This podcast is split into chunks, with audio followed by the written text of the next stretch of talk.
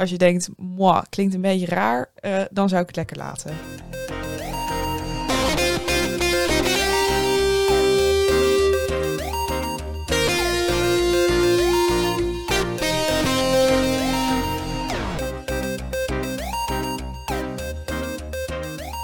Hoi, leuk dat je luistert naar een nieuwe aflevering van de Paagman Tipt Boekenpodcast. Mijn naam is Sascha en ik ben jullie host. En ik ben Brit. Ik werk op de marketingafdeling van Paagman en ben onderdeel van het Boek van de Maand team. Ben je op zoek naar een nieuw lievelingsboek? Elke eerste vrijdag van de maand tippen onze boekverkopers de meest opvallende, veelbelovende of mooie boeken en kiezen we samen één boek dat de titel Boek van de Maand verdient. Ons Boek van de Maand kiezen we inmiddels al drie jaar. Dit zijn boeken van debutanten, onbekende buitenlandse auteurs of ander onontdekt talent en die daardoor toch een extra setje nodig hebben om bij het grote publiek in de kijker te komen. Dit kunnen verschillende genres zijn, maar de focus ligt op romans.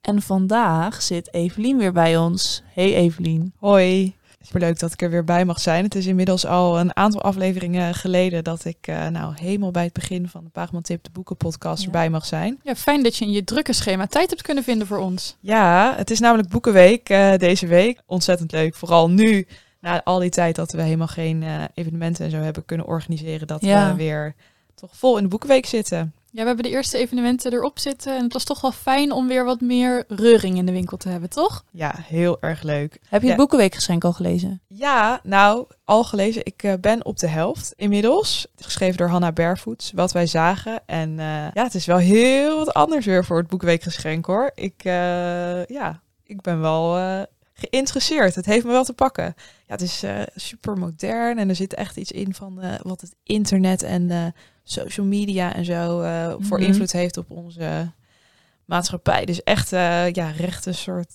Black Mirror aflevering. Ik, Oh. dus ja, ik weet niet of er luisteraars zijn die daar van houden. Maar ja, dan zou ik zeker even het boek van de maand of een ander boek aanschaffen.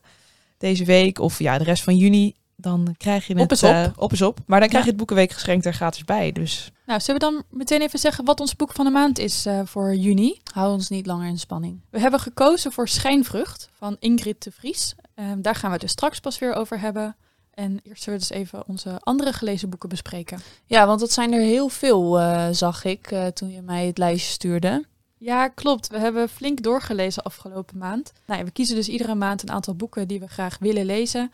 En eh, iedereen heeft toch wel een heel andere smaak. Maar waar het op neerkomt is ja, dat er dus eigenlijk meer boeken zijn gelezen dan eh, we met z'n allen kunnen lezen. Ja, Dus sommige boeken zijn wel iets eerder al eh, afgevallen eigenlijk. ja. Dus eigenlijk uit dat lijstje zijn er nu de vier beste boeken gekomen, inclusief boek van de maand. Ja, klopt. Ja. Oké, nou laten we dan gelijk beginnen met de allereerste. En dat is een titel waar ik echt heel enthousiast over ben. En dat is Middernachtbibliotheek van Matt Haig. Taald door...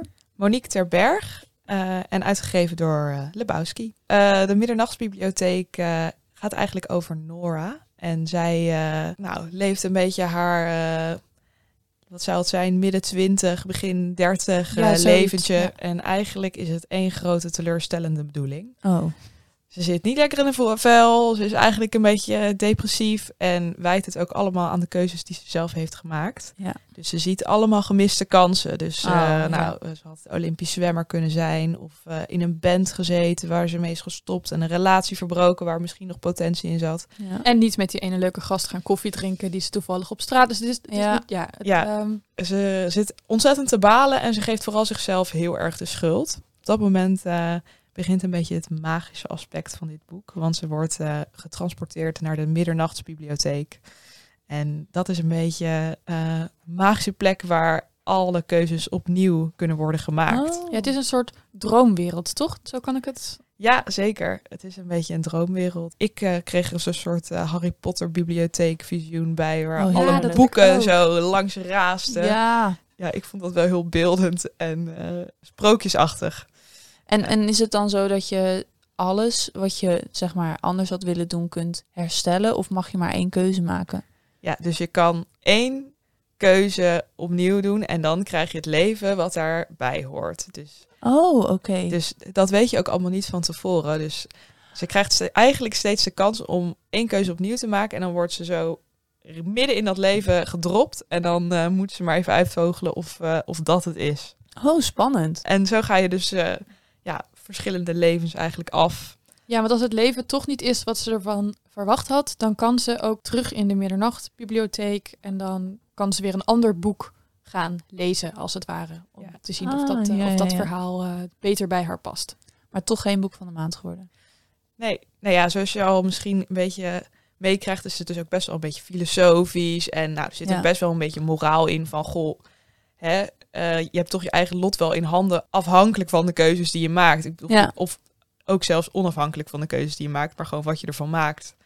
Uh, dat vond ik zelf een hele leuke boodschap. Uh, ja, misschien een klein beetje op het cliché af af en toe, wat ook uh, medelezers van ons in ieder geval vonden. Ja, Ja. halverwege het boek had ik in ieder geval dat ik een, een beetje zorgen begon te maken dat ik het einde misschien teleurstellend zou gaan vinden.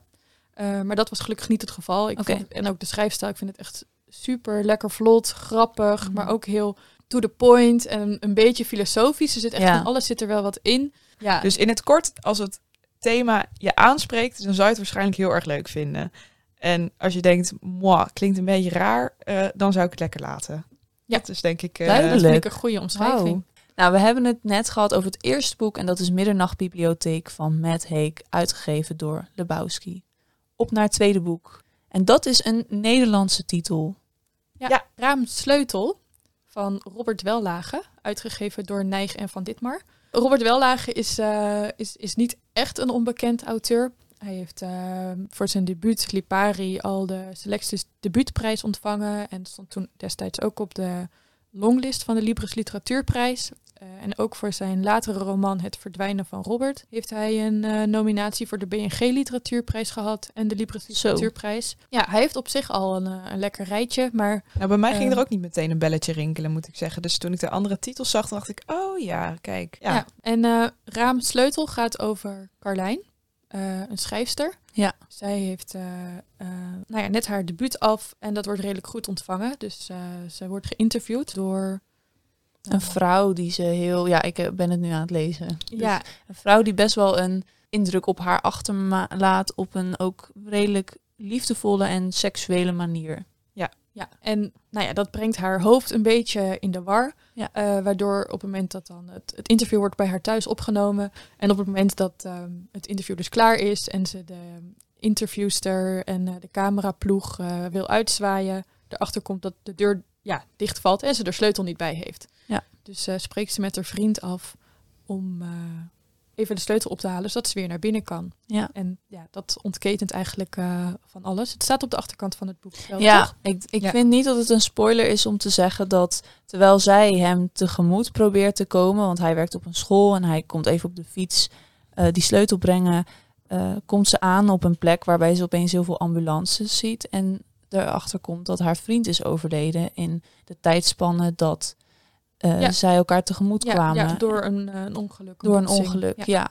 ja. De taal in het boek vind ik echt heel mooi. Een collega die de achterkant niet had gelezen, die omschreef dat ook heel mooi. Die zei, ja, ik had geen idee dat de vriend van ons hoofdpersonage doodging. Dat stukje vond ik heel gaaf geschreven, omdat ik pas na een hele lange tijd doorhad dat hij dood was. Eerst omschrijft ze het sirenegeluiden, dan dat mensen zich allemaal verzamelen om ergens naar te kijken. Vervolgens gaat ze nog even rustig een bloemetje kopen en dan ineens ziet ze bloed. Ja. Ja, dus dat wordt allemaal vanuit dus de hoofdpersoon Carlijn verteld. En ja, ik vind dat Robert Wellage dat echt zo knap in elkaar heeft Ja. gezet.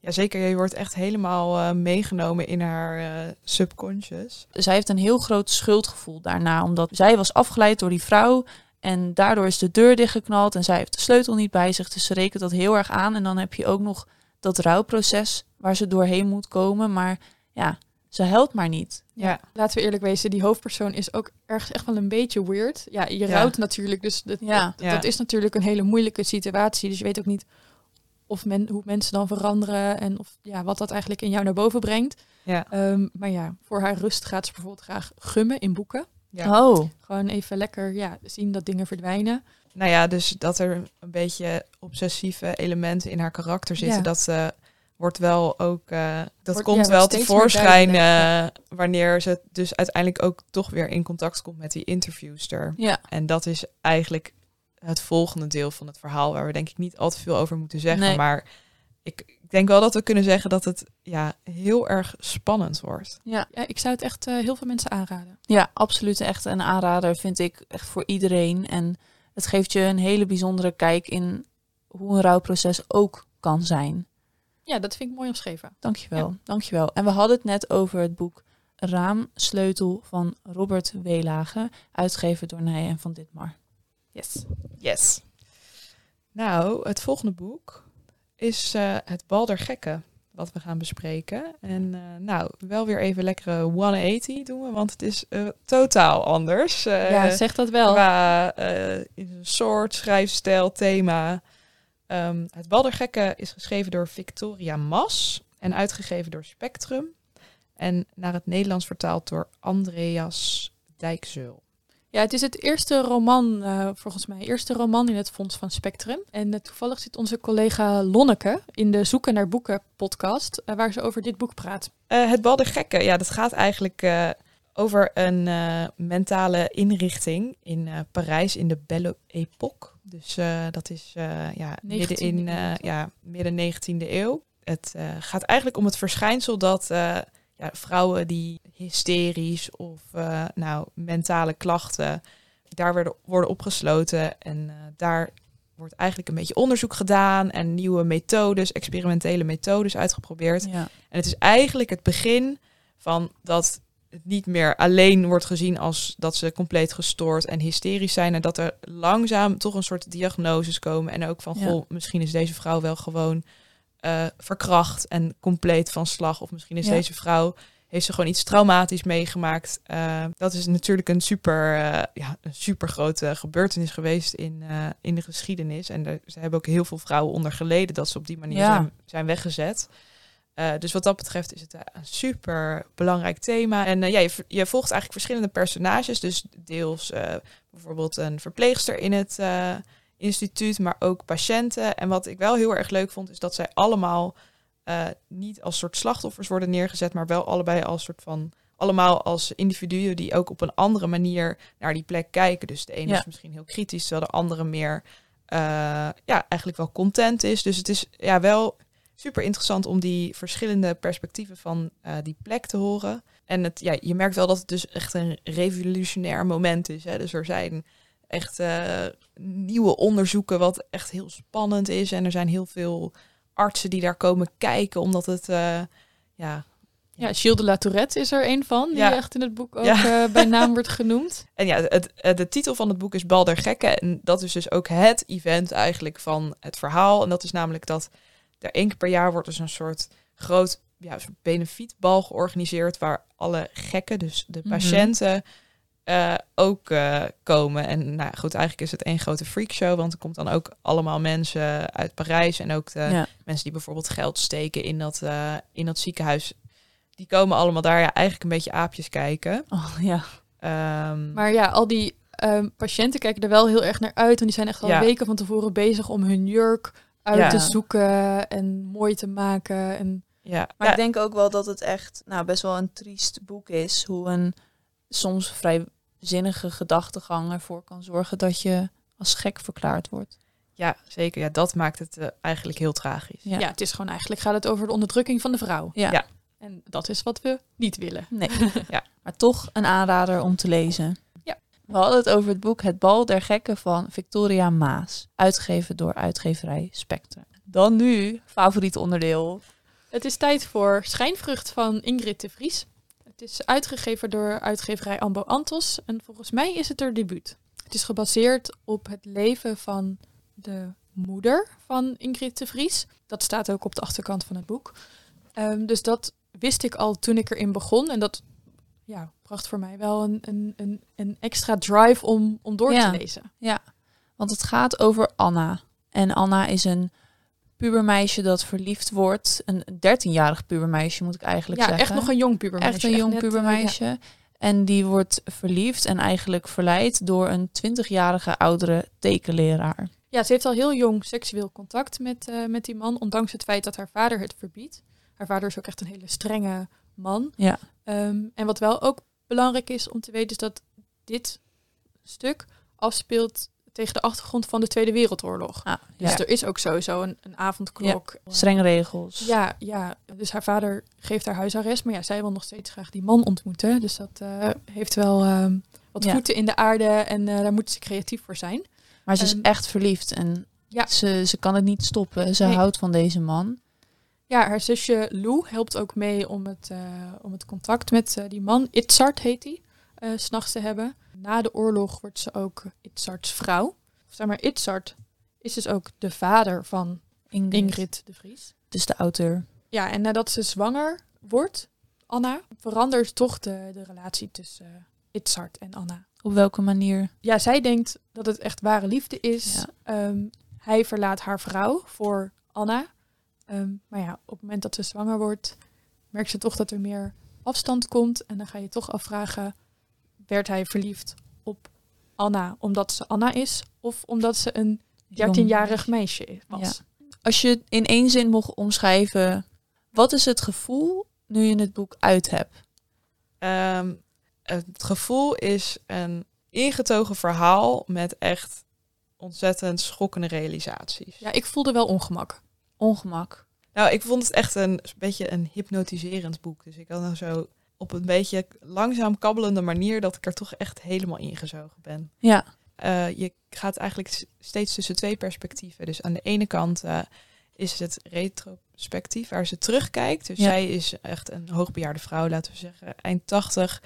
En uh, nou, begint eigenlijk, nou, die stukjes zijn bijna een beetje Hendrik Groen-achtig. eigenlijk een beetje haar zelfstandigheid te verliezen. En ze Ja. kijkt terug naar haar leven en hoe ze op die plek is gekomen waar ze nu is. En het andere volg je echt dat jonge meisje en later jonge vrouw, hoe ze bepaalde keuzes maken, die dus natuurlijk ook uh, middernachtsbibliotheken veel Ja. effecten hebben op de uitkomst. En uh, ja, dus ze heeft natuurlijk achteraf wel een besef dat dat ontzettend veel consequenties heeft gehad. Ja. Uh, maar tegelijkertijd ben je er dus wel bij wanneer ze dus echt zo verliefd is en Ja. dat de, de enige mogelijkheid is bij hem te zijn. Maar goed, in hoeverre dat dan haar eigen keuze is, dat is dan natuurlijk weer te betwisten, denk ik. Ja, steeds best wel korte hoofdstukken, waar je dus afwisselt naar de oudere vrouw Anna, de Ja. bejaarde Anna, waardoor je dan toch soms ook bij haar, nou ja, het is niet echt ongemak, maar je proeft wel iets van twijfel en terugkijkend Ja. op, nou ja, dat ze nu ook wel ziet koppig zij als puber was. Ja. Ehm, Liefde maakt blind. liefde maakt blind. En dat is, dat is wel wat de bejaarde Anna nu ook voelt. Ja, ik Ja. moet wel zeggen dat het me heel erg doet denken aan mijn lieve gunsteling. Ja, is natuurlijk ook een eh, boek waar diezelfde thematiek eh, Ja. heel erg in zit. En wat denk ik het grote verschil is, is dat in Mijn Lieve Gunsteling ja, is het echt een heel erg literair verhaal, juist over die obsessie van die man Ja. met dat meisje. En dit is denk ik meer een integer en echt verhaal over iemand die het is overkomen. Ja. Ja, bij mijn lieve gunsteling ehm, schuurt heel erg. En dat wordt ook echt heel erg opgezocht en ver, Ja. verder gepusht. En ehm, ja, is het, is het denk ik ook echt wel een beetje de bedoeling dat je die ongemak voelt. Ja. Ehm, en bij schijnvrucht is het inderdaad, ja, bejaarde Anna kijkt ook niet echt met bitterheid Mm. terug. Het blijft meer in het midden gelaten. Het is gewoon echt een vertelling. zeg maar. Ja. Ja. En dan is het misschien wel leuk om het even over de cover te hebben. Ja. ja. Want eh, nou, het is best wel een mooie schilderachtige cover van een, van een vrucht, van een vijg of vijgen. Vijgen, ja. En wat wel eh, leuk is om te vertellen is dat Itzard, eh, dat is overigens de man in kwestie, eh, hij is eh, tekenleraar of, en eigenlijk nou, eh, van binnen vooral kunstenaar. En hij geeft eh, Anna op een gegeven moment ook een schilderijtje van een eh, vijg, wat ze erg koestert. En misschien kan jij wel vertellen wat er ook gebeurt met een vijg. Het boek heet dus Schijnvrucht. En de vijg is een schijnvrucht. Het is ja, dus een fruit dat lijkt op een vrucht, maar het Ja. plantkundig niet is. Ja. Ja. Goed verhaal, hè? ja. En eh, ja, in de tekst komt ook, eh, ook de vijg voor. Dus het is wel echt eh, een heel symbolisch onderdeel van het boek eigenlijk. Want in het atelier van Itzard kunnen ze bij een staat in, in, de, in het raam kan je een vijgenboom zien waar je ook bij kan. En Itzard heeft het over vroeg rijpe vijgen die hij en Anna Mm. gaan eten. Anna vindt de smaak niet, niet heel lekker, maar zegt dan toch, om hem een plezier te doen, zei ik dat ik het lekker vond. Ja, dat is denk ik toch wel een stukje foreshadowing, of hoe heet dat in het Ja. Nederlands? Ehm vooruitschrijdend voorbode. inzicht, een Ja. voorbode. Ja, Ja. ja ik, ik denk wel dat de schrijfster het echt, ook omdat het natuurlijk op de cover staat Ja. en het de titel is, dat daar echt wel een, eh, Ja. een stuk symboliek in zit. Nou, ik zat te denken bij de titel van Schijnvrucht. Het lijkt natuurlijk, schijnvruchten zien, zien er altijd zo prachtig uit. En misschien was dat ook wel de liefde die zij voelde voor hem. Dat het allemaal zo perfect zou Ja. lijken. En dan kom je erachter dat het dus niet echt is. Ja, dus er zit wel echt al heel veel gelaagdheid in. Dus de, de cover en, en de titel en De inhoud. hintjes in het boek. Ja, echt heel Ja. knap gedaan. Heel mooi. Vooral ook dat eh, ze zonder bitter, bitterheid eigenlijk terugkijkt naar haar liefde voor Itzart. Ja, ja, en ik denk dat eigenlijk dat precies is wat dit boek zo bijzonder maakt. Ik Ja. hoorde ook van sommige mensen dat er, er zitten natuurlijk geen eh, grote plotwisten in. Of eh, het heeft niet echt hele grote gevolgen. Nee, en de schrijfstijl is ook heel eenvoudig, maar wel eh, mooi. Ja, er worden niet echt moeilijke woorden of complexe zinsbouwen in, in Ja. gebruikt. Ja, en er komen wel echt verschillende elementen. Dus ook zo'n gezin waar ze wel heel hecht is met haar broer en zusje. En ouders die altijd met elkaar overhoop liggen. En dan nog ja, het feit dat de Tweede Wereldoorlog zich tegelijkertijd afspeelt. Wat natuurlijk ook allemaal gevolgen heeft Ja. voor zo'n gezin. Ja.